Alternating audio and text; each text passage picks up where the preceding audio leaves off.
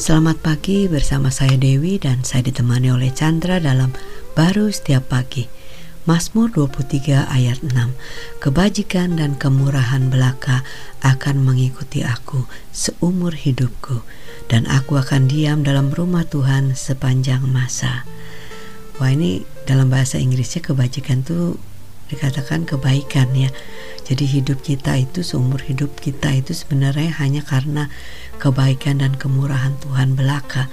Jadi tidak ada lagi hal-hal yang lain.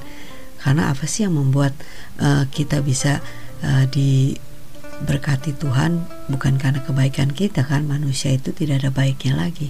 Tapi kita tahu hanya kebaikan Tuhan dan kemurahan Tuhan yang membuat kita itu bisa uh, merasa uh, tidak takut lagi melihat ke depan hidup kita karena nggak ada nggak ada apa uh, yang bisa kita banggakan gitu loh dalam hidup kita.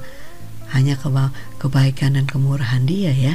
Ya sebenarnya di sini penekanannya kan bukan kebaikan dan kemurahan orang lain ya tapi kebaikan dan kemurahan Tuhan.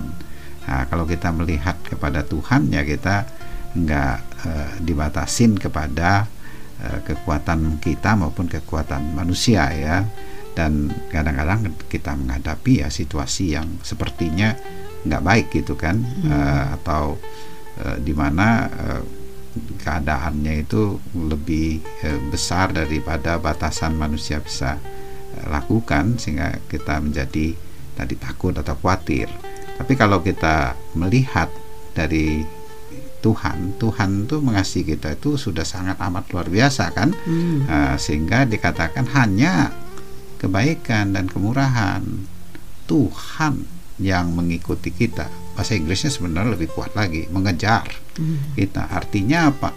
Nggak ada yang tidak baik yang bisa menimpa dalam perjalanan hidup kita. Hmm. Uh, yang ada adalah kebaikan Tuhan yang bisa kita alami sekalipun ada mungkin secara manusia yang tidak baik tapi dia bisa mengubah menjadi kebaikan dalam hidup kita. Wow, bahkan lebih baik. Bahkan lebih baik. Wow. Ya, itulah yang namanya kebaikan Tuhan. Dia itu yang kita kenal ya sehingga batasan baik itu ya hanya mengikuti aja dalam perjalanan hidup kita hmm. sepanjang masa lagi dikatakan. Ya, dan ayat yang berikutnya itu kan menarik ya dikatakan aku akan diam dalam rumah Tuhan sepanjang masa.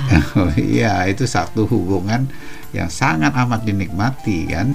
Kalau eh, nggak uh, dinikmati, masa dia ingin sampai bersama sepanjang masa kan? Hmm. Karena ada kasih, semangat, kegairahan yang begitu kuatnya sehingga ingin selama-lamanya itu Tuhan terhadap kita dan kita menyadari itu dan itu bisa mengekspresi satu gairah yang kuat dengan Tuhan.